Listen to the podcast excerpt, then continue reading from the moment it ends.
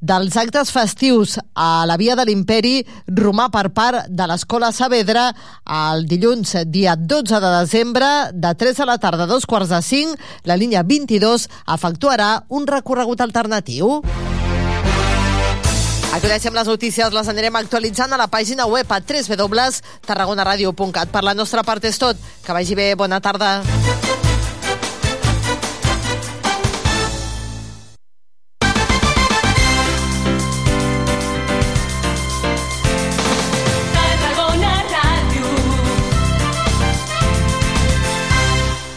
Moll de Costa, la Rambla de la Cultura a la vora del mar. Vine i passeja per l'eix de la cultura, del lleure i de l'esport al Port de Tarragona. Hi trobaràs museus, exposicions, teatre, activitats, espais per passejar i fer esport. Completa la teva visita amb un tas de la gastronomia marinera del Serrallo. Més informació a porttarragona.cat.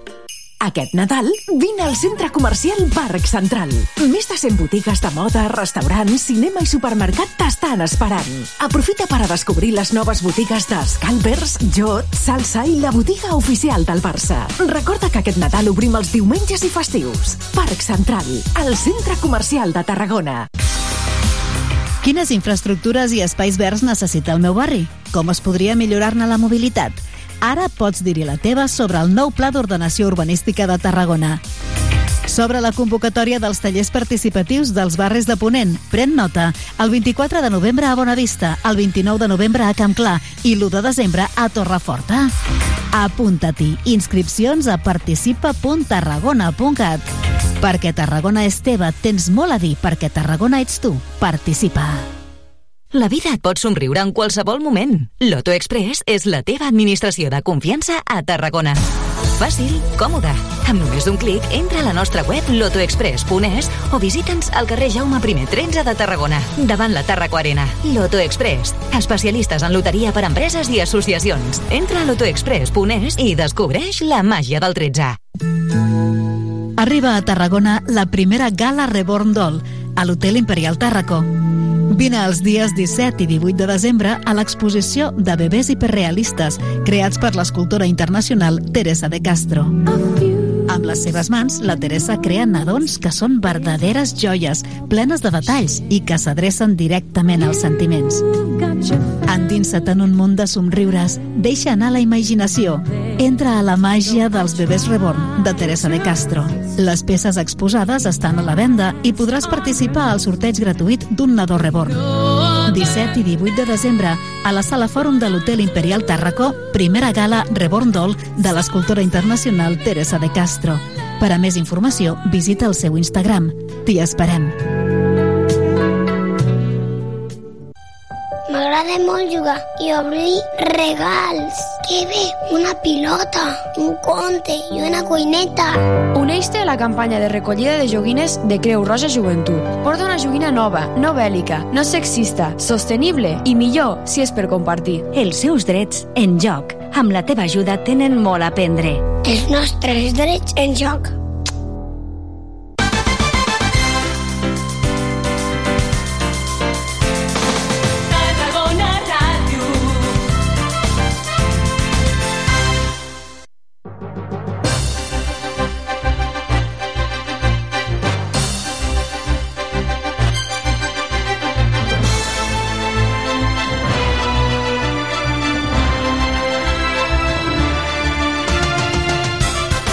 Sempre Nàstic, el programa de referència de l'actualitat del Nàstic a Tarragona Ràdio.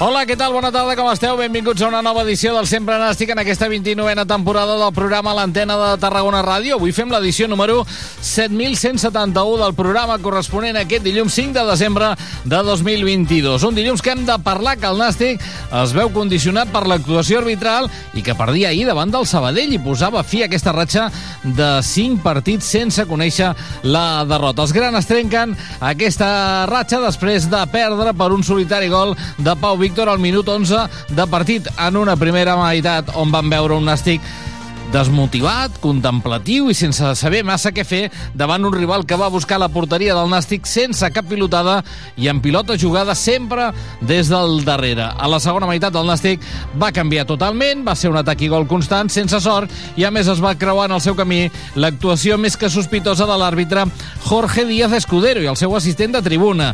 Tres errades greus que no van permetre al Nàstic poder tenir les seves oportunitats per remuntar el partit o, com a mal menor, buscar l'empat. Per ordre de gravetat, la rematada de Pablo, que entra almenys un pam a la porteria i no dona el gol, les mans clares de Morgado, que amb el braç estès impedeix que la pilota li arribi a José Malliure de marcatge i el tercer error, el penal que li fan a Aaron Rey i que l'àrbitre es desentén totalment. Sigui com sigui, la setmana de 9 punts com a molt serà setmana de 6 punts en els dos partits que queden. Dijous a Pamplona davant Osasuna Promeses i diumenge al nou estadi davant del Barça B. Comencem, com cada dia, buscant la nota positiva i negativa de la jornada.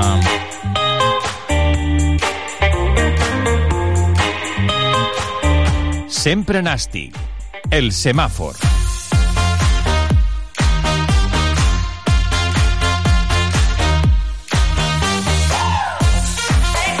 I comencem, com sempre, pel semàfor verd, l'actitud de la segona meitat del partit d'ahir, les ganes, el plantejament, l'atac i el gol constant. Aquest és el camí, no el de la primera meitat, on van veure un estic contemplatiu i sense saber massa què fer davant d'un rival que buscava la porteria del Nàstic sense cap pilotada i en pilota jugada des del darrere. Agnès ja deia que el Nàstic de la primera meitat no li havia agradat i que el del segon temps era el Nàstic més reconeixible. Sigui com sigui, ahir l'equip va, deixar, va deixar volar 3 punts del nou estadi que ja no tornaran. I la segona ha sigut brillant.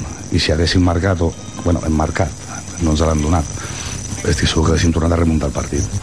Però crec que hem de ser autocrítics i començant per mi la primera part en, perquè no hem estat ben pilota, no hem estat bé sense pilota, sempre arribàvem tard, i el semàfor vermell per l'equip en la primera meitat i per l'actuació més que sospitosa de l'àrbitre Jorge Díaz Escudero i el seu assistent de tribuna.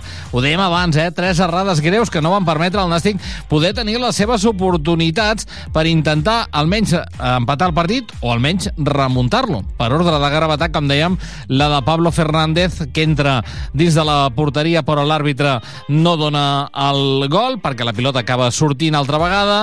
La segona segona per les mans clares de Morgado amb el braç estès que impedeix que li arribi la pilota a José lliure de marcatge i sol davant del porter del Sabadell i el tercer un penal que li fan a Aaron Rey i que es desentén totalment l'àrbitre del partit. Com diu el capità del Nàstic, Joan Oriol, només l'àrbitre no va veure el gol de Pablo. Avui estic enfadat, no?, perquè està clar que no podem tirar 20 minuts de la primera, de la primera part, on no ens hem trobat, on no hem vist aquell nàstic, no?, que sempre acostumem a veure a casa, ells s'han adelantat, és veritat que després la segona part doncs, hem vist aquell nàstic no? atrevit, agressiu, eh, pressionant, intens, no? avui no tocava, avui era d'aquells dies que haguessis pogut jugar mitja hora més i la pilota no, no hagués entrat perquè hem creat ocasions, ens hem volcat la segona part a camp contrari, hem generat, ells no han fet pràcticament res, però no tocava. És veritat que l'àrbit ens ha tret un gol legal, que no entenc el motiu com és que no l'ha vist, ho han vist tothom, no? perquè si em diguessis molt poquet, però ha entrat com un pam la, la pilota. Doncs aquest és el semàfor, la nota positiva i negativa del cap de setmana, en una edició del Sempre Nàstic que realitza tècnicament a Lluís Comas amb tota la redacció d'Esports de Tarragona Ràdio. Us parla Jordi Blanc. Comencem.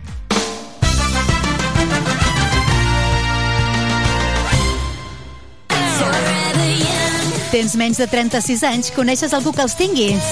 Doncs ara, per menys del que costa una pizza, podreu gaudir dels espectacles de la nova temporada de tardor-hivern de Tarragona Cultura. Teatre, música, dansa, circ i molt, molt més. Us oferim descomptes de fins al 60%, sí, sí, ho heu sentit bé. Consulteu-ne tota la informació a cultura.tarragona.cat. Cultura a l'abast de tothom. Ajuntament de Tarragona. A Tarragona, mantinguem la ciutat neta. Recull els excrements del teu gos i aboca una mica d'aigua als orins. No fer-ho pot comportar una sanció de 300 euros. Cuidem entre tots la ciutat. Ajuntament de Tarragona.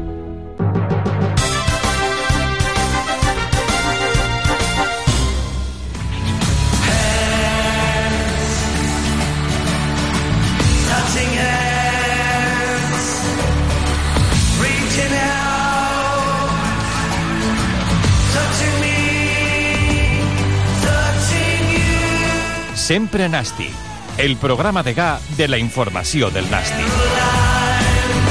5 minuts, arribem al punt d'un quart de 3 de la tarda. Ens posem a marxar en aquesta edició del Sempre Nàstic hem repassat eh, l'actualitat eh, del cap de, de setmana i ara de seguida tot això ho entrarem en debat aquí a la tertúlia del Sempre Nàstic avui amb el Pito Iglesias i el Jordi Crespo que del seguida el saludo però abans eh, volem saludar a la vicepresidenta del Club Gimnàstic, la Vito Fuster. Vito, què tal? Bona tarda. Hola, molt bona tarda. I la Vito està aquí amb nosaltres perquè avui és el dia del voluntariat i bé, el voluntariat grana té una especial importància i a més a més ahir, a la mitja part del partit, els hi vau fer, els hi vau retre un homenatge, eh?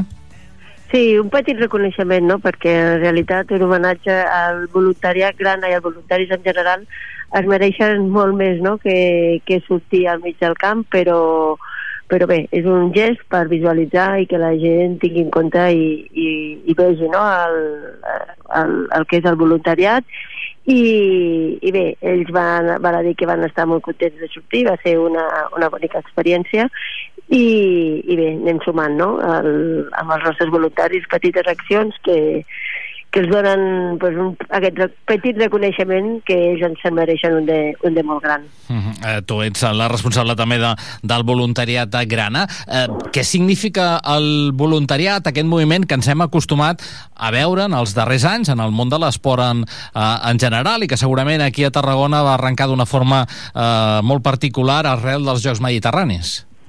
Sí, doncs així a Tarragona es va arrelar no? i es va, va sembrar la, la, la llavor que ja hi havia abans, però realment a partir de, dels jocs es va aglutinar un conjunt de persones amb aquesta vocació de, de servei a la comunitat i especialment al, a, a l'esport val a dir que, que bueno, pues ja, ja ho veieu, no? els que veniu als partits dels diumenges o els que aneu a curses o feu activitat física, a tot arreu tenim voluntaris, gent que dedica el seu temps perquè les activitats es funcionin millor i, i realment doncs, és un, és un actiu molt gran que tenim al nostre territori i que l'hem de cuidar i, com deia, no s'ha de visibilitzar perquè, perquè fan una gran tasca. Mm, ara, darrerament, els hem vist amb, més en clau grana, els hem vist també amb, amb clau de, de curses, sense anar més lluny fa pocs dies a la, a la mitja marató ciutat de, de Tarragona, però en clau grana eh, segurament que una, a banda dels dies de partit, com, com tu deies, eh, bé, una de les, eh, diguem de les cites importants que tenen cada any és eh, quan es disputa la jornada genuïn aquí a Tarragona, que suposo que és el moment en què segurament més voluntaris necessiteu. Sí, eh, doncs mira, fa eh, tres setmanes eh, si vam poder gaudir amb més de 300 voluntaris per la Lliga Genuine, va ser una xifra espectacular i a part de la xifra eh, va ser una acció que va ser molt ben recollida per la, per la Liga, que és l'entitat que, que organitza la Liga Genuine, i ens van felicitar no?, per la tasca que havien fet els nostres voluntaris, i això també ens fa sentir orgullosos, perquè tenim un projecte amb gent jove, que al final també es tracta no?, de, de compartir, no? com nosaltres diem a la Liga Genuine, compartir la, la Liga Genuine, eh, a través de, del voluntariat, de fer viure l'experiència genuïn, de fer viure els valors de, que representa la Liga Genuïn i que aquests nois i noies joves de, de centres educatius doncs, que després despertin una mica no? la inquietud de, de participar com a voluntaris i, i, de, i de conèixer el que és l'essència de, la, de la Lliga Genuïn. Així que cobrim dues, dues vessants. Per una part la, la Lliga Genuïn, de compartir i viure l'experiència genuïna i per l'altra doncs eh, que la joventut de Tarragona prengui consciència del que és el voluntariat i el de participar en accions sense rebre res a canvi monetàriament, no? que sí que rep molt perquè rep molta l'experiència que, que es viu, com dic jo, no es pot pagar en diners, eh? és algo que un s'emporta i li queda per tota la vida, i, i bé, doncs jo puc dir que em sento molt afortunada de coordinar tant el voluntariat grana com el voluntariat de la, de la Liga Genuïna agrair-li a la Vito Fuster que ens hagi acompanyat eh, en aquest dia del voluntariat, que acabis de passar un bon dia, Vito. Gràcies. Doncs moltíssimes gràcies. Gràcies a la Vito Fuster, amb el dia del, uh, del voluntariat, i en aquest cas doncs, volíem tenir aquest raconet pel, pel voluntariat de, de Gimnàstica de Tarragona, aquest voluntariat de Grana. Eh, ja sé que heu escoltat un soroll així de fons, eh, avui no sé què passa, eh, perquè al matí també a la tertúlia també s'han seculat algun so, algun so de fons. El que passa que llavors era quan parlàvem eh, de Luis Rubiales, eh? I jo crec que ara ell ja es pensa que de seguida parlarem d'ell eh, i ja ens envia aquests, aquests sons, eh? eh és, és broma, no passa res. Deixa'm saludar els convidats a la tertúlia. El Jordi Crespo. Jordi, què tal? Bona tarda. Hola, bona tarda. Parlarem, eh, de Rubiales, no? Està bé, sí, sí, parlem de tot. I tant que sí, aquí, aquí parlem de tot. I de seguida saludarem el nostre míster, el, el Pito Iglesias, que avui el tenim via, via telefònica, de seguida el saludem. Jordi, què et va semblar el partit d'ahir? Bé, mira, doncs estic... Per, no és molt normal, però estic molt d'acord amb la roda de premsa de l'entrenador. Molt Bueno, no és normal. Ja sempre dic que em sembla una persona molt honesta, eh? però a vegades fa lectures que des del punt de vista de l'aficionat costen més. Ahir no, ahir la subscric totalment i molt d'acord amb els semàfors que heu donat vosaltres a l'inici del programa, no? Jo crec que eh, la primera part, i no és un tema nou, la regalem, o almenys no, no, no sortim amb la disposició necessària. I ho reconeix el propi entrenador. I després la segona, home, jo no estaria tan a prop de que va ser la imatge que volem, excel·lent, el millor partit. A mi el, el joc del Nàstic em continua faltant mig del camp, em continua faltant creació, però sí que és cert que l'equip hi va en tot i que, i que així com a la primera part potser el Sabadell inclús podia haver fet algun gol més, la segona, el Nàstic, si en fa dos o tres, és el més normal del món, més enllà del que sí que van fer i, i l'àrbit no va concedir, no? Hmm. Pito Iglesias, bona tarda. Sí, hola, bona tarda. Com estàs, bé o què? Bé, bé, bé. Sí. Eh, escolta una cosa, eh, què et va semblar què et va semblar el partit de, el partit d'ahir? Bueno, eh, un partit on, on el Nàstic no, no entra endollat i, i el Sabell es posa per davant i després, doncs, bueno, un Nàstic intenta remuntar el partit i, doncs, per molts factors, doncs, no, no ho pot aconseguir. Eh, això, bueno, ens ha de fer a veure que, que l'equip té que sortir en dillat del primer minut perquè bueno, ja veiem no? que, que a rares així no, no, no ens les perdonen i, i per tant doncs, aprendre una miqueta de, de, del que ens va passar. Eh, per què creus, Pitu, que l'equip surt surt poc endollat, eh? perquè fins i tot el mateix entrenador ho va reconèixer, no? va deixar anar, va deixar anar la frase aquella de que ens han dit uh, guapos i ens ho hem cregut, alguna cosa d'aquesta, suposo que anava una mica arrel d'aquelles cinc jornades que el Nàstic portava sense, sense conèixer la, la derrota en quatre victòries i un empat, i el cert és que una setmana abans, al camp del Real Unión d'Irun, l'equip sí que va sortir a mossegar des, de, des del primer instant, i en canvi ahir, jo no sé si per la control de pilota que feia que exercia el Sabadell, el fet de, de que totes les volia sortir jugades, però i això li creava problemes al Nàstic perquè eh, al mig del camp va, bé, ho va passar molt, molt malament. Bé, jo crec que són circumstàncies de, dels partits, no? A vegades eh, tu vols sortir per totes, però l'equip contrari, doncs, els primers minuts i van eh, sortim i posem molta intensitat als primers minuts, donem tot, a veure si podem posar-nos per davant i després doncs, ja anirem eh, aguantant una miqueta el, o temporal i em sembla que és una miqueta el que va fer ahir, no? A més és que va sortir molt fort, amb, bueno, tenim pilota i, i doncs el Nàstic doncs, no, no, no va ser bé remuntar, però jo crec que són coses circumstancials. A vegades és molt difícil guanyar o estar jugant bé 5-6 partits, o, 3, o guanyar 3-4 partits consecutius, doncs, costa molt, no?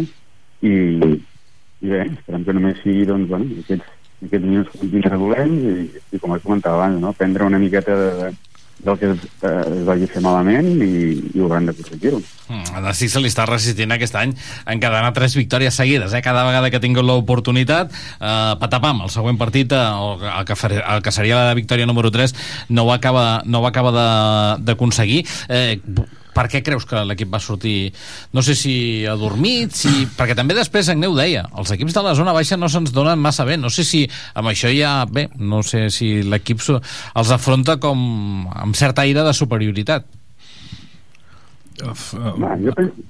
digues, digues, Pitu, digues, digues no, no, no, no jo, jo, jo penso que no no és que ho fantem amb superioritat, no? És que els equips de la zona baixa estem parlant que el Sabadell pot estar a 4 punts nostres, no? Sí.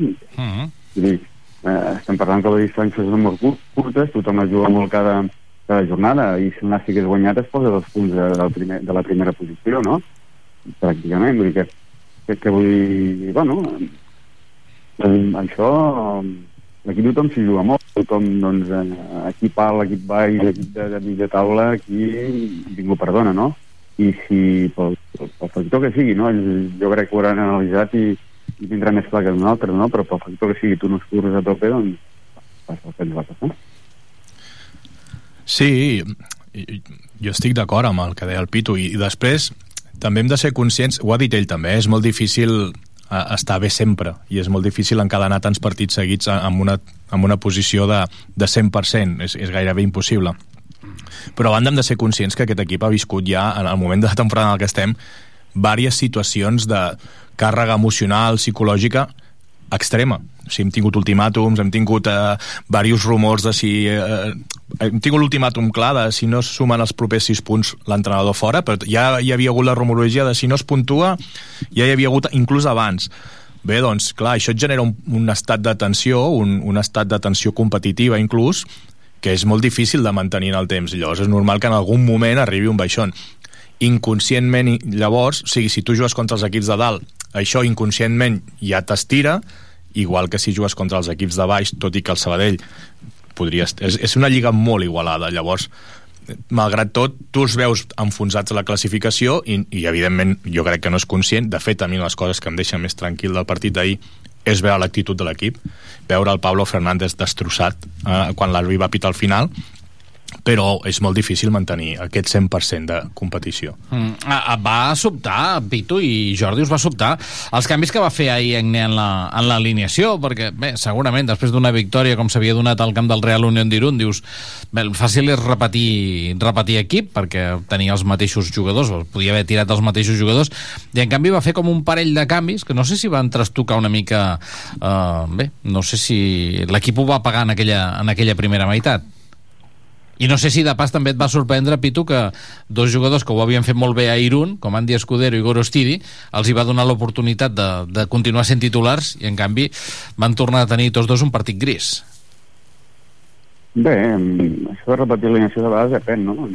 A vegades els jugadors, eh, bueno, tens jugadors de la convocatòria que no, poden no estar al 100%, no? I llavors doncs, dius, bueno, en un moment donat el puc fer jugar, però però no tinc garanties que em pugui durar tot el partit o, o el que sigui, no? O, o a vegades prefereix reservar per, per no arriscar aquest jugador en vez de, de jugar un partit perdre el 5, no?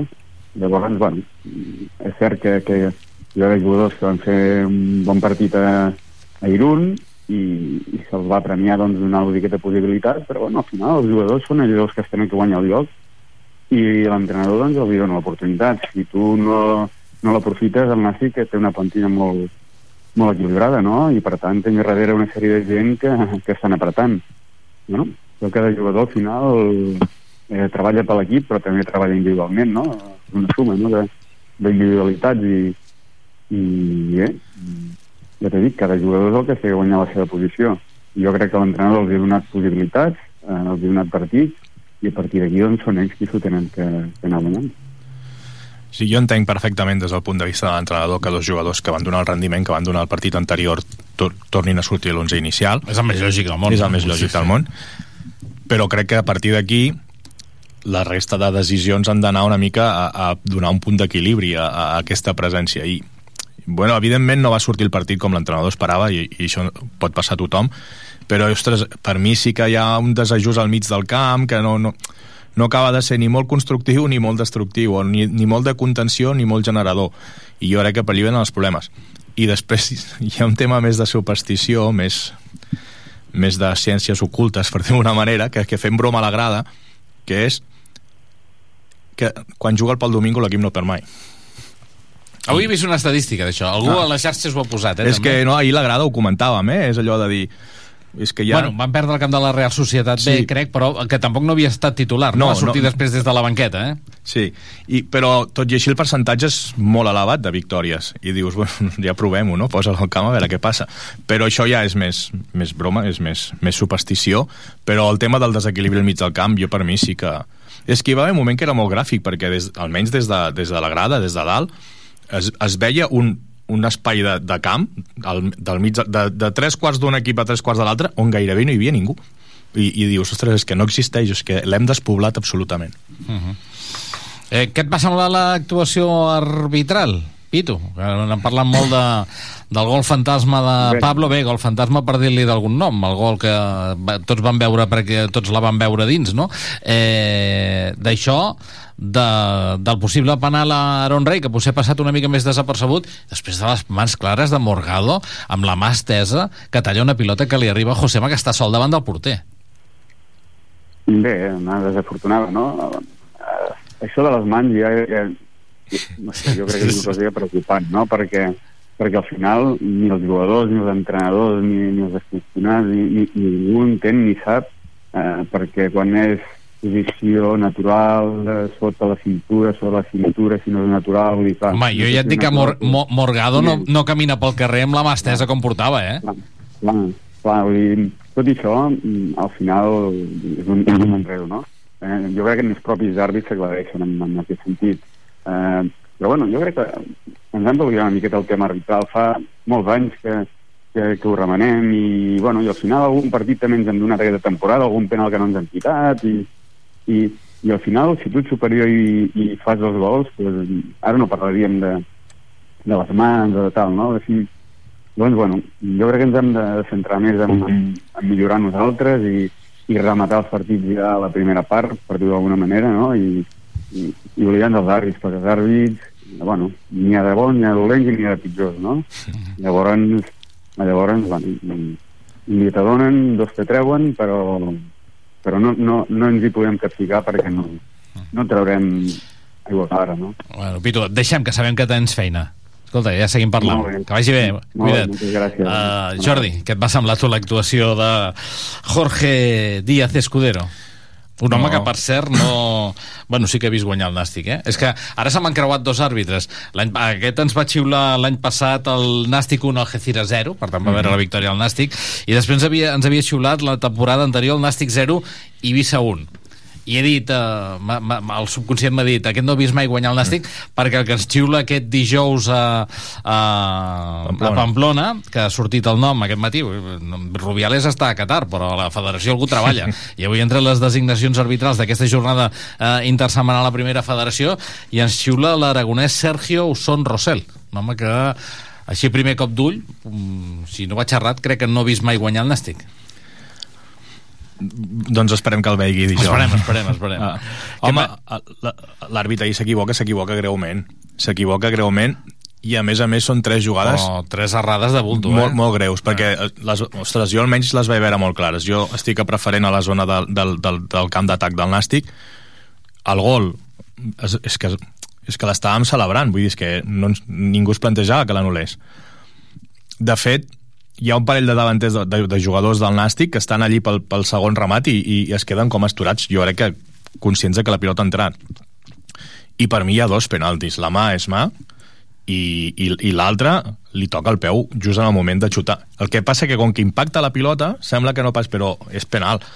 Però estic molt d'acord amb el que deia el Pitu. Uh, per mi l'àrbit s'equivoca i s'equivoca greument, a més a més en tres jugades definitives però en altres també, vull dir, i no crec que hi hagi cap persecució, ni, ni hi ha hagut dies que hi ha hagut penaltis que no, no ho eren ni ens els han pitat a favor i, i, i hem de sortir d'això, perquè i a més crec que l'entrenador fa molt bé, que passa per sobre però tampoc hi entra massa.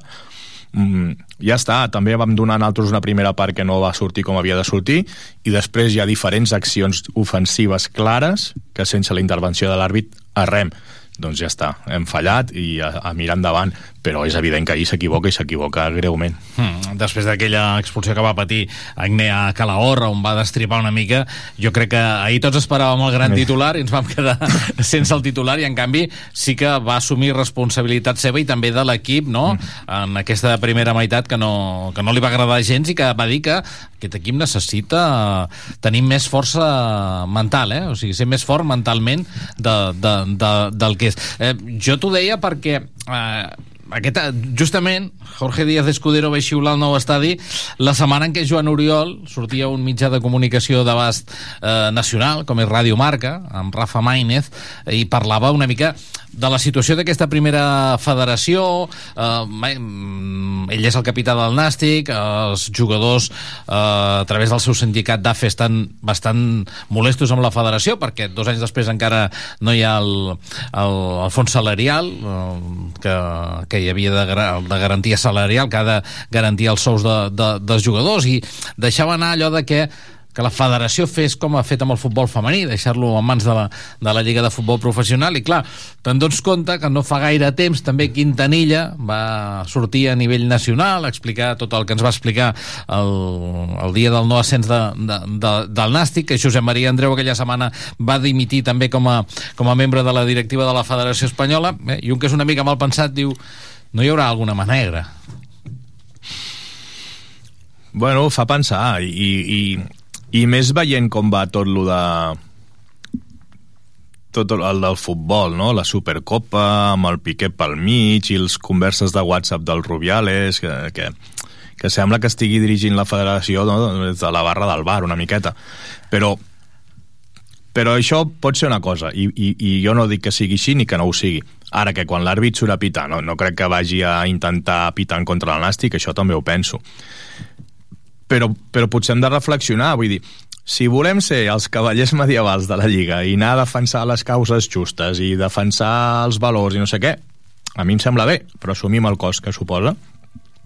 I si volem treure el màxim rendiment de, en tots els sentits, ja sigui en el terreny de joc, a, a, amb, amb joc i amb vistositat, amb, amb, amb rendiment, i també una mica les clavegueres, doncs, doncs hem d'agafar una altra línia però les dues coses és molt complicat, i menys amb aquest món que vivim, i menys, eh, és que ho estem veient dia a dia, és el Mundial a Qatar, és eh, el, si es ven un Mundial, no? si, si, si, si, som capaç, si hi ha gent capaç de vendre la seu d'un Mundial, amb, amb tot el que hi ha de focus mediàtic a sobre, que no poden fer a, a, amb la primera FEF, no?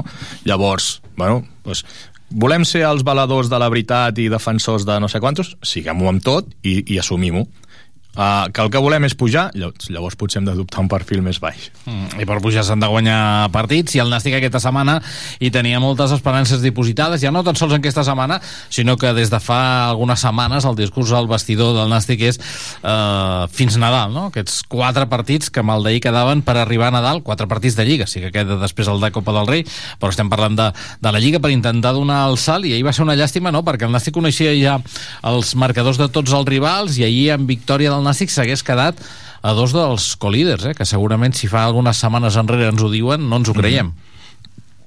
Sí, ahir és una pena. Jo, jo abans he dit que estava molt d'acord amb la roda de premsa de l'entrenador. Només hi ha una cosa. Sí que estic d'acord en que ahir no és definitiu, perquè queda molta lliga, i és evident, i, i amb el Nàstic hem estat baix i hem estat a punt de posar-nos dalt com, com podia haver sigut ahir, per tant, som conscients d'això. Però l'altre va dir, és un resultat que no afecta. No, sí que afecta evidentment no afecta pel que has perdut, però sí pel que no has guanyat. I si, si tu ahir guanyaves et posaves ja, ja era injecció d'eufòria gairebé. Ahir al, al, al, nou estadi es vivia un ambient d'aquells de, de ja xup-xup, ja comença a haver-hi xup-xup i ens, ens tira una mica d'aigua freda a sobre, no? No passa res, però si ahir guanyem, és, és, anem llanç, sortim d'allí llançats tots, no? Bueno, doncs això ho vam perdre que és definitiu? No, no ho és. No, no passa res, vull dir, hi, hi haurà, hi haurà més oportunitats. Ara, mm, siguem... El, el que, crec que ho has dit abans, anem, anem a aprendre'n i, i deixem de regalar primeres parts, sortim des del principi i, i el tòpic aquell, tòpicazo de no hi arriba al petit, a veure si ens ho posem al cap i, i perquè l'equip ha demostrat que pot rendir i això és el més important, llavors anem a rendir sempre. Mm, i ara dos partits, eh, bé complicats, Difícil, perquè Osasuna sí. Promeses és un equip complicat que dirigeix Santi Castillejo, que a més a més tota la temporada ha estat per allà dalt, ara mateix és amb els mateixos punts que el Nàstic, però està dintre de, de playoff, i després el Barça Atlètic que sempre és eh, bé, aquella gran incògnita no saps mai quin Barça eh, t'acabaràs trobant, però que et fa pensar que el partit, el Nàstic ha de sortir endollat perquè el partit serà molt similar al d'ahir. Eh, igual com el Sabadell, que amb Gabri Garcia, Escola Barça, doncs va venir aquí a eh, voler jugar la pilota, el Barça B també ho farà, i segurament el Barça B té una diferència, que té jugadors de més qualitat a dalt i per tant potser no perdonaran tant i això és una lliçó que hem d'aprendre. Sí, de fet jo anava a dir el mateix que has dit tu, no? Serà com el Sabadell, però probablement amb, amb millors jugadors, o amb més qualitat, almenys no sé si millors jugadors, però sí amb millor qualitat. I Pamplona és un camp molt difícil, és l'equip, que segur que el Santi els té molt ben treballats, però a més a més el camp, l'ambient, són, són dos partits molt complicats. I si haguéssim guanyat ahir, tu miraves amb certa tranquil·litat i ara, ara, ara has de començar a treure, has de treure punts, no pots estar els dos propers partits sense puntuar. És molt complicat. Dijous jo crec que serà un partit de batalla, és anar allí... Bueno, el Nàstic normalment ho ha enfrontat bé quan ha hagut d'anar així, i el, di, el, el del Barça és el que deies tu. Et pots trobar un Barça tou i desencertat i llavors potser el Nàstic domina plàcidament, com et pots trobar un, una màquina de jugar i, i el Nàstic corrent darrere la pilota tota l'estona. Bueno, el, el que no sabem és com jugarà el Barça, el que sí hem de tenir molt clar és amb quina predisposició surt el Nàstic. Mm, a més a més, per aquell objectiu que es marcava, no? que ens havien venut fa setmanes de uh, acabar l'any 2002 intentant estar dalt de tot, amb els líders i tal, clar, i deixes perdre una gran oportunitat perquè et podia, podies estar dos i començaves a posar ja uh, pressió, clar, ara estàs a 5 i en queden 9 en disputa mm. aquest 2022, per tant, bé, o a nosaltres ens va tot molt de cara i amb ells tot molt de cul o, o serà difícil arribar-hi, però bé, també només seria significatiu, també, no té cap mena d'importància, l'important és ser-hi el darrer dia. Sí, a veure, de fet crec que no va dir intentant estar per dalt, va dir primers.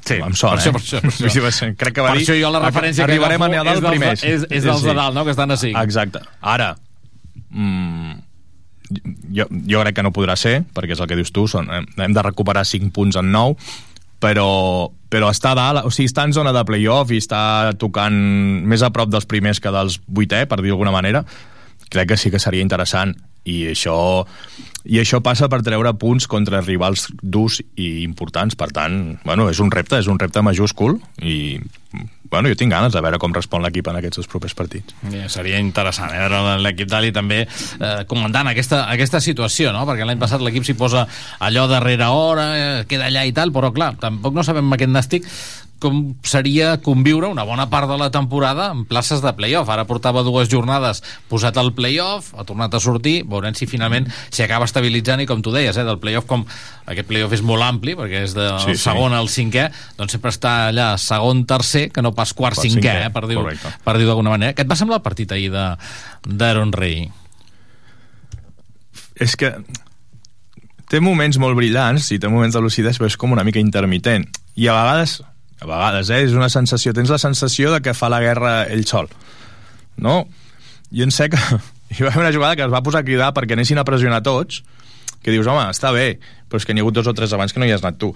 Llavors, bueno, però en que agafa la pilota i, i, i passen coses, passen coses, i jo crec que en l'equip del Nàstic això és important, perquè no, no en passen tantes crec que l'entrenador té una feina individual amb ell d'anar-lo portant cap on el, ell vulgui, d'anar-lo guiant, d'anar-lo d'anar-lo fent més menys intermitent, no?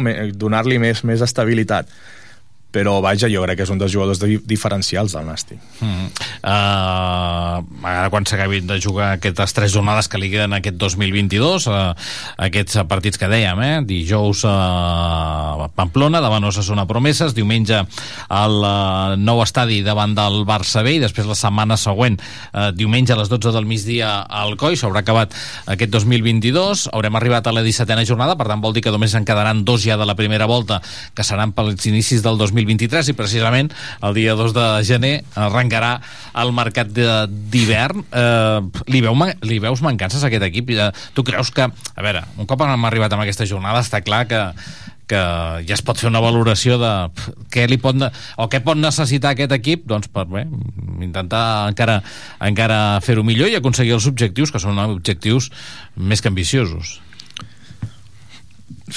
És que... Clar, jo et diria, jo ahir em falta algú al mig del camp, però és que crec que els tenim. Vull dir, jo crec que la plantilla està bé, jo crec que la plantilla és completa, jo crec que si, si s'hagués d'anar a buscar algú al mercat d'hivern hauria de ser quelcom molt diferencial, algú que dius, hi ha una oportunitat d'algú que marca les diferències. Si no, per mi la plantilla està bé. Ara, bueno, mm, s'ha de gestionar, no? I jo crec que l'entrenador està en això. Ara te la faré a la inversa. Hi ha algú que li hem d'ensenyar la porta de sortida o què? Hi ha algú que te digués, ostres, que aquest jugador prometia molt i m'està m'està de, de sabent. a mi m'ha decebut pel que li hem vist fins a l'Andy Escudero, però sí que és cert que la setmana passada juga molt bé, mm. molt bé. Però clar, és un partit en, en, en, de, de, de bastants. Mm, Jo no prescindiria de l'Andy Escudero, crec que és una opció que has de tenir. La resta, no, és que... Jo estic satisfet amb la plantilla mm, i tothom ha comès errors, no? Per mi tenim un molt bon porter, però en canvi ha comès algun error de bulto. Uh, la defensa no n'hem parlat, perquè hem, hem parlat de tots els, els, els, els problemes que vam tenir davant i això, però el, primer, el gol del Sabadell hi ha una mica de despiste generalitzat. Hi ha una empanada Correcte. interessant, no? Mm. Perquè el deixem centrar a ple, eh? O sigui, jo crec que allí... Arriba molt còmode, centrar. Sí, jo crec que allí Joan Oriol no li surt a, no el surt a tapar i Gorostidi no ve a fer, a fer l'ajuda. I després els dos centrals, avui me l'he mirat, mirat diverses vegades la, la, la jugada, eh, està com a molt... In... O sigui, els centrals estan molt separats, no? Eh, queda molt lliure el davanter del, del Sabadell i a més a més quan va la centrada eh, no sé si per alguna rectificació el que sigui, hi ha un dels dos centrals que, que es queda com parlant amb el, amb el company del davant, Sí. i quan se'n dona compte ja, Ja, ja. ve la pilota. Sí, la sensació va ser una mica de... Ens ha agafat que encara no estàvem acomodats al camp, no? Encara no ens havíem acabat de situar i no, no pot passar, vull dir, no va ser el segon 12, va ser el minut 6 o 5, crec. Ostres, Bueno, doncs és això, no? No tenim centrals? Sí, jo crec que sí que en tenim. No tenim laterals? Sí, jo crec que sí que en tenim. Mm, però, i, i a més a més, hi ha la, la intervenció de, de Montalvos, Marcs, gent, pels domingos, que ja està més, més assentat, eh? però que si fitxes algú normalment són els primers en, en perdre els minuts que tenen no, no, que per mi ja està bé com està Bueno, doncs ho deixem així. Escolta, aquest any no fem la carta als Reis i ja està, eh? home, si ha de venir un Messi que, que, que vingui Molt bé, doncs, uh, Jordi, que ha estat un ple. Gràcies per haver compartit amb nosaltres aquesta tertúlia i res, que provin els Nadals, perquè segurament d'aquí ja ja... Ja No tornem a tenir tertúlies. Bueno, tindrem tertúlies, però al Jordi Crespo No no, li tocarà, tocarà, no em per, la, tocarà. per la quota de... Igualment, que aprovin la les que festes. Correcte. Que vagi bé. Eh, mira, 3 minuts, arribem al punt de 3 quarts de 3 de la tarda. Ja tenim el José Antonio Luaces. José Antonio, què tal? Bona tarda. Bona tarda, Jordi. Sempre nàstic. L'altra lliga amb José Antonio Luaces.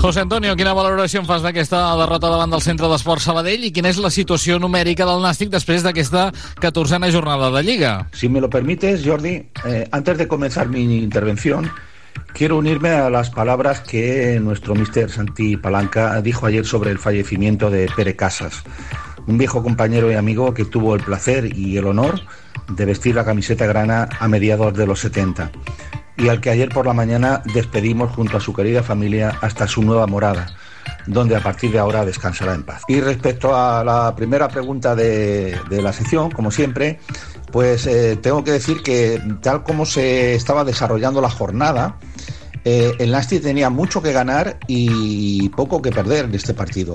Así que la derrota significó evidentemente un traspiés que rompió una excelente racha de cinco partidos sin perder, con cuatro victorias y un empate.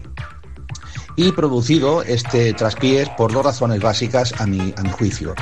Una mala primera parte del Nastic, donde el Sabadell le superó netamente, como así reconoció el, el míster, y otra en la que el equipo pues eh, puso mucho corazón sobre, sobre el verde, pero unas veces por falta de acierto, otras por errores del equipo arbitral y otras por verdadera mala suerte le negaron al menos el empate que le hubiera dejado en la, en la zona noble. En cuanto a la situación numérica, la verdad es que no sufren demasiadas variaciones respecto a la que teníamos la semana pasada, solamente que aumentan las derrotas a, a cuatro, igual que los empates mientras que las, las victorias pues ya habíamos conseguido seis. Lo que sí me preocupa a estas alturas es que llevamos 17 goles a favor y 17 en contra, con una diferencia de, de cero goles. Eh, hay que decir que de media tabla hacia arriba el, el Nasti pues es el segundo equipo más goleado, ¿no? Eh, tan solo veo por aquí el, el Logroñés, que está en la décima posición, que ha encajado 22. Entonces, esto hay que solucionarlo porque si no nos va a pasar eh, esta situación de que en caso de empate con otros equipos siempre seremos los últimos. ¿no? Entonces, 22 puntos de 42 hacen que el porcentaje de, puntos ya haya bajado a un, 50, un, poqu un, poquito más de un 52% y una media de 1,57 que está rayando el 1,58 que teníamos previsto para, para hacer un quinto puesto con 60 puntos. Ahora mismo estaríamos en 59-60. Y, y, por eso mm, el, puesto de la quinta posición y la sexta, pues claro, es muy peligroso, ¿no? Por eso siempre digo que hay que superar el 1,60 por lo menos para garantizar una plaza en el playoff. Ahora mismo los números son un de pequeño déficit de 0,12 puntos que no tiene mayor significación. Fent comparativa respecte a la temporada passada, la 21-22, què va passar en aquella 14a jornada? Pues en aquella decimocuarta jornada el, el Nastic volvió a perder y esta vez en el nuevo estadio contra el Atlético Baleares por 1 a 2. Eh, Buila marcó un golazo en el minuto 6, recuerdo perfectamente, pero luego Martrías tuvo la, la, mala fortuna de marcarse un gol en propia puerta y le dio el empate al, Atlético Baleares. Y luego en la segunda parte Canario pues mmm, lo dejó en un definitivo 1 a 2. Y ya era su quinto partido sin ganar. Así que esto le hizo bajar a la decimotercera plaza con 19 puntos de 42. Ya la distancia hasta el playoff era de 5 puntos y eh, con respecto al descenso teníamos 4 puntos más. Por lo que el actual Nastic tiene 3 puntos más que el de aquella temporada, en esta, en esta misma jornada y se encuentra situado siete puestos más arriba en la clasificación general. Como vemos, las rachas eran, eran totalmente distintas. I el futur més immediat del Nàstic passa per aquesta setmana encara amb dos partits més. El primer, aquest dijous a Tajonar davant Osasuna B. Pues como bien eh, se sabe, el, el próximo jueves el Nàstic viajará hasta Pamplona para enfrentarse al Club Atlético Osasuna B que en esta decimocuarta jornada empató a cero frente a la Real Sociedad B en el campo del equipo donostiarra. Por lo que se ha colocado en la cuarta plaza mmm, con 22 puntos de 42, es decir, mmm, ha ocupado el puesto que tenía el Nastic, aunque empatado con el Real Murcia y el propio Nastic, pues gracias a, lo que hemos dicho antes, a un me mejor golaveraje. Eh, yo pienso que aunque será un partido complicado, ¿eh? pero en caso de victoria del Nastic sumaría 25 puntos ya de 45, subiría la media a 1,67, por lo que recuperaría su plaza en la, en la zona noble. En caso de empate sumaría 23 puntos y la posición pues va a depender de lo que hagan los tres vecinos de, zona. O sea, puede quedar tanto en la quinta posición, eh, zona noble, el sexto o bajar a la séptima posición como mucho. Y en caso de derrota sí que va, bajaría alguna plaza más, pero siempre en la zona media alta. Eh, afortunadamente nos separan cuatro puntos de lo que sería la zona media baja. Quines són les principals estadístiques que ens ha deixat aquesta jornada 14 al grup 2 de Primera Federació? Esta jornada ha sido muy mala para los equipos de casa, ¿verdad?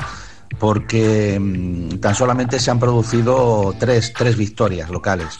Eh, cuatro empates en la tercera o, cuarta jornada que, se consiguen cuatro empates y se han conseguido mmm, tres victorias visitantes.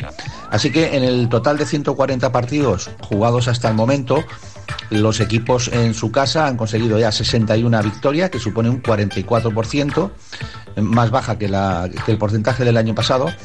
Eh, 42 empates, que se pone ya en un 30%, un 5% más que lo que se consiguió la, pasada temporada. Y las victorias visitantes se quedan en 37 con un 26%, que curiosamente es el mismo porcentaje que se obtuvo al final de la pasada temporada. En cuanto a goles marcados, se han, marcado muy poquitos, eh, 18. Recordemos que la cifra más baja fue en la jornada 11 con 14. Y estos 18, pues 8 locales y 10 visitantes. Y en los 140 partidos, en total ya eh, los equipos en su casa pues han marcado eh, 179 goles los equipos visitantes 135, lo que da un total de 314, 19 goles menos que en el grupo en el grupo primero. Así que la media se ha puesto en un 2,24 que nos llevaría sobre los 50, 850 goles aproximadamente a final de la temporada. I això ho rematem, José Antonio, com cada dilluns amb el trofeu Pichichi Zamora, com el tenim? Eh, pues por lo que respecta al trofeo Pichichi, las cosas se han, se han simplificado bastante porque en, primera posición se ha colocado Nacho eh, con el gol que marcó ayer para, para el Real Unión de Irún, que curiosamente está situado en descenso, en la, en posición. Así que mm, se ha colocado mm, con nueve goles, superando en uno a Eneco Jauregui del, de la Morevieta, que queda con ocho, y en tercera posición se ha quedado también en solitario un Zueta, que ayer marcó un doblete, de la Sociedad Deportiva Logroñés, que, que se queda con siete. Y luego con seis hay un grupito ahí de cuatro, de cuatro futbolistas. Y respecto al trofeo de Zamora, eh, también se ha simplificado un poquito. Eh, sigue el portero del Castellón, Alfonso Pastor, que a pesar de haber encajado otros dos goles, pues sigue en primera posición eh, con un cociente de 0,55, puesto que solamente ha encajado seis goles en 11 partidos jugados. Unai Marrero, el portero de la Real Sociedad, está, consiguió otra portería cero con lo cual se queda con, en segunda posición con 0,69 y 9, goles encajados en 13 partidos. Y luego un grupito de cuatro porteros que, cuyos eh, cocientes oscilan entre el 0,71 que tiene Bañuz, el portero del Alcoyano, y Vallejo, el portero del, del colíder, el Dense, que tiene un 0,79 al haber encajado 11 en, 14 partidos jugados. Para finalizar, pues respecto a, los goleadores del Nastic, ninguna, ninguna novedad. Tenemos nueve futbolistas que han conseguido marcar al menos un gol, de los 21 utilizados hasta el momento por Raúl Arné. En primera posición, Guillermo con cinco goles.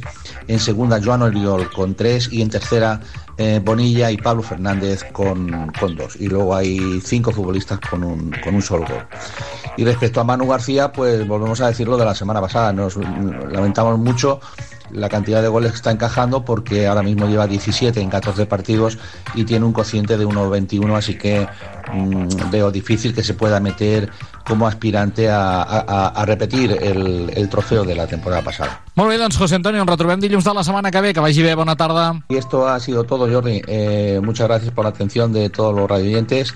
Eh, les deseo una, una, feliz semana y hasta entonces eh, una, una forta abraçada. Anem tancant aquesta edició del Sempre Nàstic. Ho fem com cada dilluns amb el resum sonor d'aquest darrer partit del Nàstic, en aquest cas la derrota davant del Centre d'Esports Sabadell, en una setmana en què tindrem molt Sempre Nàstic. Dijous des de Tajonar per viure el partit entre el eh, Osasuna Promeses i el Gimnàstic de Tarragona i diumenge des del nou estadi amb un altre derbi català de la categoria amb el Nàstic Barça B. Que aneu passant una bona setmana, que vagi bé, bona tarda. Sergi Puig, l'àrbitre, eh, té ja l'hoquei dels assistents, es mira el rellotge, ja passa un minut del punt de les 6 de la tarda, per tant Jorge Díaz Escudero xiula ara mateix, arrenca el partit al nou estadi i a la sintonia de Tarragona Ràdio mou, per, mou pilota al centre d'Esport Sabadell. Ve des del darrere Aaron Rey, però la pilota ja l'ha deixat a banda dreta per Estals. Estals fa la centrada, busca el punt de penal, un lloc cop de cap oh. i el gol. I el gol del Sabadell. Ara ens l'han menjat una mica, deixem fer la centrada Estals i acaba marcant el centre d'Esport Sabadell jo diria que era Pau Víctor. Pau Víctor, sí, sí, Pau Víctor. Sí, no? Sí, Pau sí, Víctor, Pau no? Víctor, sí. Des d'aquí m'agafa una mica lluny, però m'ha semblat que era Pau Víctor amb una jugada molt bona del Sabadell, que ha centrat amb tota la facilitat del món. Hem donat totes les facilitats del món i Pau Víctor s'ha alçat per rematar la pilota al fons de la xarxa a l'11 d'aquesta primera meitat, 11 de la primera s'avança el Sabadell al nou estadi Costa Daurada marca Pau Víctor marca el centre d'Esport Sabadell, Nàstic 0, Sabadell 1. Osasuna Promeses. Oi que, hi ha, oi que hi ha una falta perillosa contra el Sabadell, una falta amb una passada llarga que ha anat a buscar Guillermo i la pilota. Ja hi ha Andy Escudero i Aaron Rey. Tanca de 3 sobre el vèrtex dret de l'àrea petita de la porteria que defensa Sergi Puig. Minut 31 ara mateix d'aquesta primera meitat. Perd el Nàstic des de l'11 amb el gol de Pau Víctor. El llançament de la pilota. Veurem el llançament d'aquesta falta. L'àrbitre que continua posant pau entre uns i altres. Tot el Sabadell defensant-se dins l'àrea. El Nàstic només deixa el darrere Tirlea. Tothom participant de la jugada al costat de l'esfèrica Aron i Andy. La posa Aron! Fora! Doncs la pilota d'Aron Llavors Keita que deixa la pilota pel Joanet i ha posat molt bé la càmera Ander Gorostidi que enviava aquesta pilota amunt que la pot guanyar Guillermo Guillermo, perdó, Pablo Pablo se'n va a carril de la banda dreta se'n va massa escurat deixarà la pilota que el l'àrea tot a l'avantatge per Sergi Puig. Ara ho ha fet bé Pablo amb aquesta jugada molt bé Gorostidi des del darrere tallant la pilota donant la primera passada que era pràcticament una passada perquè busqués Pablo en la porteria li han anat tancant el pas, això ha fet que Pablo se l'hagi jugat a l'hora de fer la centrada i ho ha vist bé també el porter, tot i que estava allà Guillermo preparat, eh? A la frontal fa el primer retall Keita, llançament fora! Menys mal que Keita no porteria perquè acaba de tenir una no clara, claríssima amb el retall que fa i a més a més el jugador del Nàstic que va al terra defensant la pilota a mitja sortida de Manu García Moja Keita acaba posant la pilota per sobre la porteria del Nàstic jo crec que ara ens acaba de perdonar el 0-2 s'ha acabat la primera meitat al nou estadi a la sintonia de Tarragona Ràdio. Jo crec que aquesta és la millor notícia ara mateix pel Nàstic i per Raül Agné que s'acaba aquesta primera meitat amb xiulets tímids dels aficionats del Nàstic. Alegria als aficionats del Sabadell que veuen com el seu equip està guanyant el partit des de l'11 de la primera amb el gol de Pau Víctor. Tere, jugadors, camí de vestidors. Per allà la busca Joan Oriol la passada llarga cap a Aron. Aron que dins l'àrea llançament d'Aron Sergi Puig evita el gol. La pilota a la frontal altra vegada per Joan Oriol que la deix per Marc Montalvo. Aguanta Montalvo que la posa molt bé filtra dreta cap a Tirleia dins l'àrea llançament de Tirleia centrada gol, gol. no, la pilota l'acaba traient el porter l'acaba traient el porter com cantava amb el gol. Pilota per Aaron Rey ara assenyalat amb aquesta jugada falta del jugador del Nàstic. Déu nhi la que acaba de tenir el Nàstic d'una banda i de l'altra. I aquesta quan semblava que anava a entrar no sé com s'ho ha fet Sergi Puig perquè mig volant acaba traient la pilota. I crits de Nàstic, Nàstic al nou estadi. Pilota que servirà Joan Oriol. Dreta de la porteria de Sergi Puig. L'àrbitre d'anar allà a cridar-li l'atenció a Pablo Fernández de Morgado que estaven enganxats els dos. Oye, llançament de la pilota posarà la pilota al capi del Nàstic Joan Oriol. Posa el servei de la pilota fa la centrada, busca el punt de penal Quintanilla, gol! La pilota al pal, l'acaba donant fora no sortia, no ha entrat diu que no ha entrat l'assistent. Diu que no ha entrat l'assistent. Déu-n'hi-do la que acaba de tenir ara el Nàstic aquesta centrada amb la pilota. La dona Pablo Fernández. Toca el travesser i l'assistent diu que la pilota no entra i l'acaben traient i va Javi Bonilla. En l'aire els dos braços el d'Àgreda. Posarà aquesta pilota.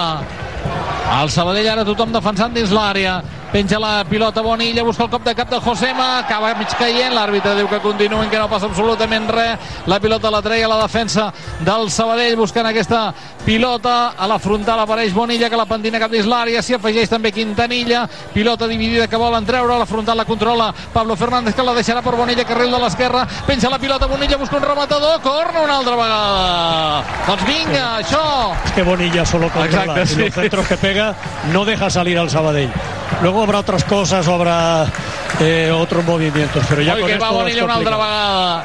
Servei de cantonada dreta de la porteria de Sergi Puig, penja la pilota Javi Bonilla, passadet al segon pal, Josema! Fora! No m'ho crec. Josema fora! Refusa la defensa, la frontal Pablo Fernández, no fa un bon control, l'acaba traient Pelayo. El públic torna a protestar. Un possible penal sobre Pablo Fernández. La pilota per Robert. Robert que penja la pilota, la buscava Guillermo. La torna a treure la defensa. A la frontal la controla Eric Montes. Aguanta Eric Montes que deixa la pilota per Joan Oriol. Joan Oriol que ho vol provar. Llançament de Joan Oriol fora! El llançament de Joan Oriol ha sortit per sobre la porteria de Sergi Puig. A veure si podem salvar almenys el punt. Ui, llançament de la pilota. La posarà Javi Bonilla. L'àrbitre la deixarà treure, però en quan s'acabi la jugada s'haurà acabat el partit. Bueno, ahora va a pasar de todo aquí con sí. esta pelota, porque aquí habrá agarrones, habrá empujones, gente que se tira, otros que pitan falta. Aquell llançament. Vamos a ver. Pilota que posarà Bonilla. Llançament del Dagre de cama esquerra. Penja aquesta pilota, busca un rematador, l'acaba traient la defensa, l'àrbitre senyala al final, s'ha acabat. Ho celebra la banqueta del centre d'Esport Sabadell, ho celebra Gabri. S'ha acabat el partit al nou estadi Costa Daurada i a la sintonia de Tarragona Ràdio amb aquesta derrota del Nàstic. La segona aquesta temporada del Nàstic a casa, només havia perdut un partit, havia estat a la tercera jornada davant de l'Intercity. El Nàstic que des d'aleshores havia sumat quatre victòries com a local, avui buscava la cinquena, no ha estat possible i a més a més l'equip de Raúl Agné trenca aquesta ratxa de les darreres cinc jornades en què havia sumat quatre victòries i un empat, Tere, jugadors que ho han donat absolutament tot, camí de vestidors. Sempre Nasti. El regús de la jornada a Tarragona Ràdio.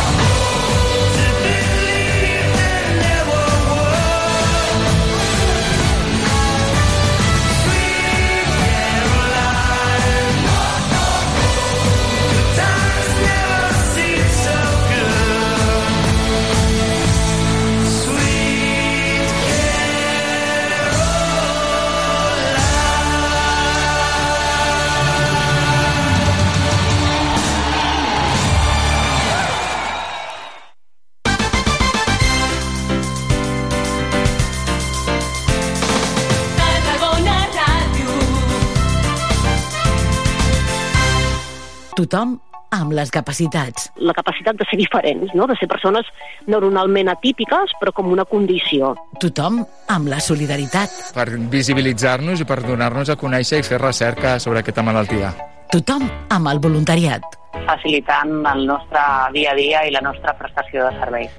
Tothom amb les iniciatives socials. Poder construir pues això, no? espais sants i positius i a través de l'oci i el temps lliure pues, generar oportunitats. Tothom amb la gent gran. Acompanyar aquella persona en unes etapes de la seva